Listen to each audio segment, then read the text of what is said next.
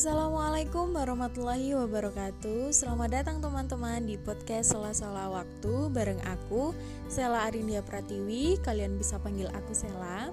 Aku adalah salah satu mahasiswi Sastra Indonesia Universitas Ahmad Dahlan, Yogyakarta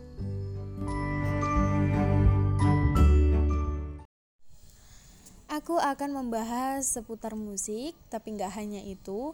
Kita akan membahas tentang lagu-lagu dan para penyanyi-penyanyi Indonesia. Untuk tema pada kali ini kita akan ngomongin soal genre musik nih.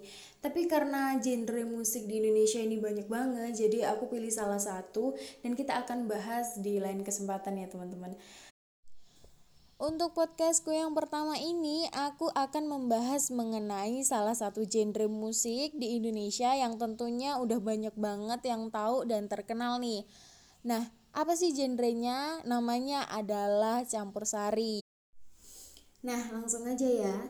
Campur sari itu adalah salah satu genre yang mengacu pada percampuran beberapa genre di Indonesia dengan musik gamelan. Campur sari sendiri mengkombinasikan alat-alat musik gamelan dengan alat-alat musik modern.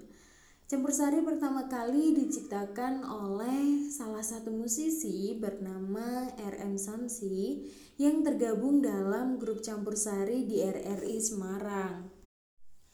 Namun, campur sari pada saat itu tidak begitu terkenal atau tidak begitu populer. Nah, pada tahun 1990-an, campur sari ini dipopulerkan kembali oleh salah satu musisi besar asal Gunung Kidul bernama Mantos. Nah, Mantos ini berasal dari Yogyakarta yang lahir pada tahun 1950. Musik campur sari yang dibawanya itu terbilang berbeda dengan musik-musik campur sari yang eh, sebelumnya karena Mantos ini menggunakan instrumen, memasukkan instrumen keyboard dan bass sebagai pelengkap iringannya dalam campur sari ini, sehingga memberikan warna baru yang menarik perhatian masyarakat.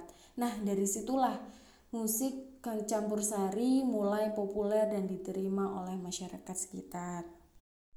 Tapi nggak hanya itu teman-teman, jadi campur sari itu bisa dipadukan juga dengan genre musik seperti dangdut, pop, jazz, dan keroncong.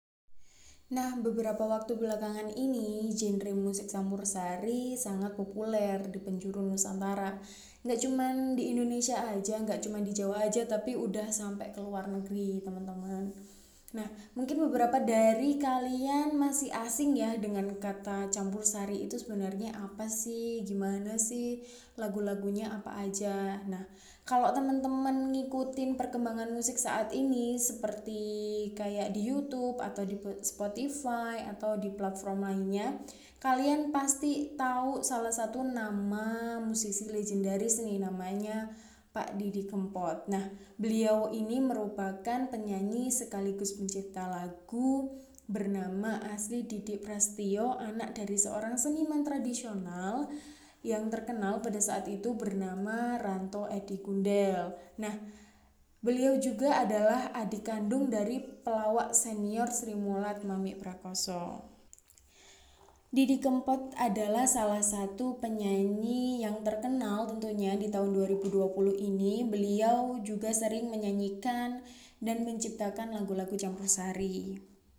Dari tahun 2019 hingga 2020 banyak banget yang mengundang Didi Kempot ini sebagai salah satu bintang tamu bahkan penyanyi tunggal dalam sebuah acara musik ya di TV maupun di off air. Nah, di Jogja sendiri kalau misalnya pas lagi ada konser Didi Kempot itu tiketnya cepet habis. Kemudian kalau misalnya pas lagi uh, main gitu pas lagi konser gitu banyak banget teman-teman yang kayak nangis. Karena mungkin terharu ya sama lagu-lagunya ciptaannya gitu. Bahkan ada yang menjuluki Didi Kempot ini seperti Pak Didi, kemudian Lord Didi, bahkan mendapat julukan Good Father of Broken Heart. Nah, kalian panggil Didi Kempot ini panggilan yang mana tuh? Kalian juga pasti nggak asing nih dengar kata-kata sobat ambiar. Nah, mungkin kalian bagian dari sobat ambiar ya?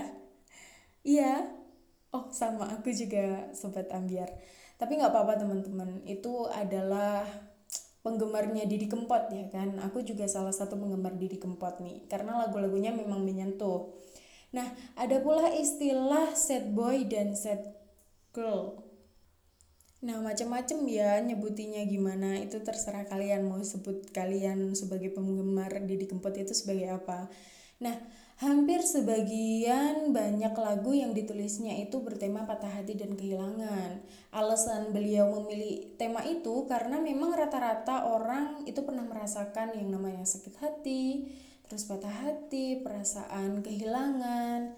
Nah, bahkan uh, Didi Kempot ini juga menggunakan nama-nama tempat sebagai judul lagunya.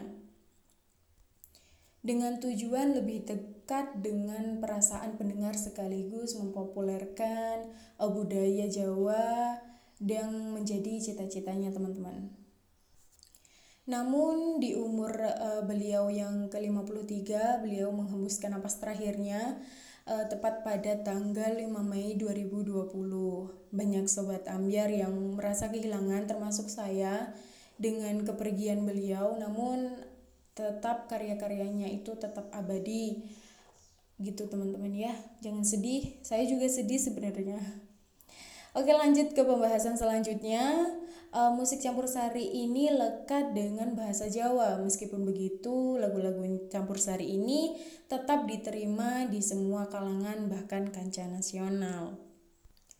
Salah satu ciri khas dari musik campur sari adalah menggunakan kendang dan gamelan. Ini tentunya berbeda dengan musik-musik pada umumnya, maksudnya musik-musik lainnya gitu ya. Seperti kayak pop itu kan nggak gunain kendang sama gamelan, hanya musik keroncong dan musik campur sari yang menggunakan kendang dan gamelan. Ini juga yang menjadi keunikan tersendiri e, mengingat alat musik itu adalah alat musik khas Jawa, khas Indonesia juga tentunya.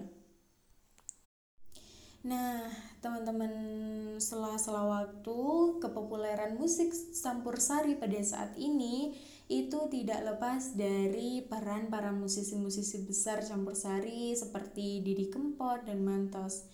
Campur sari itu merupakan salah satu warisan budaya yang harus tetap dipertahankan.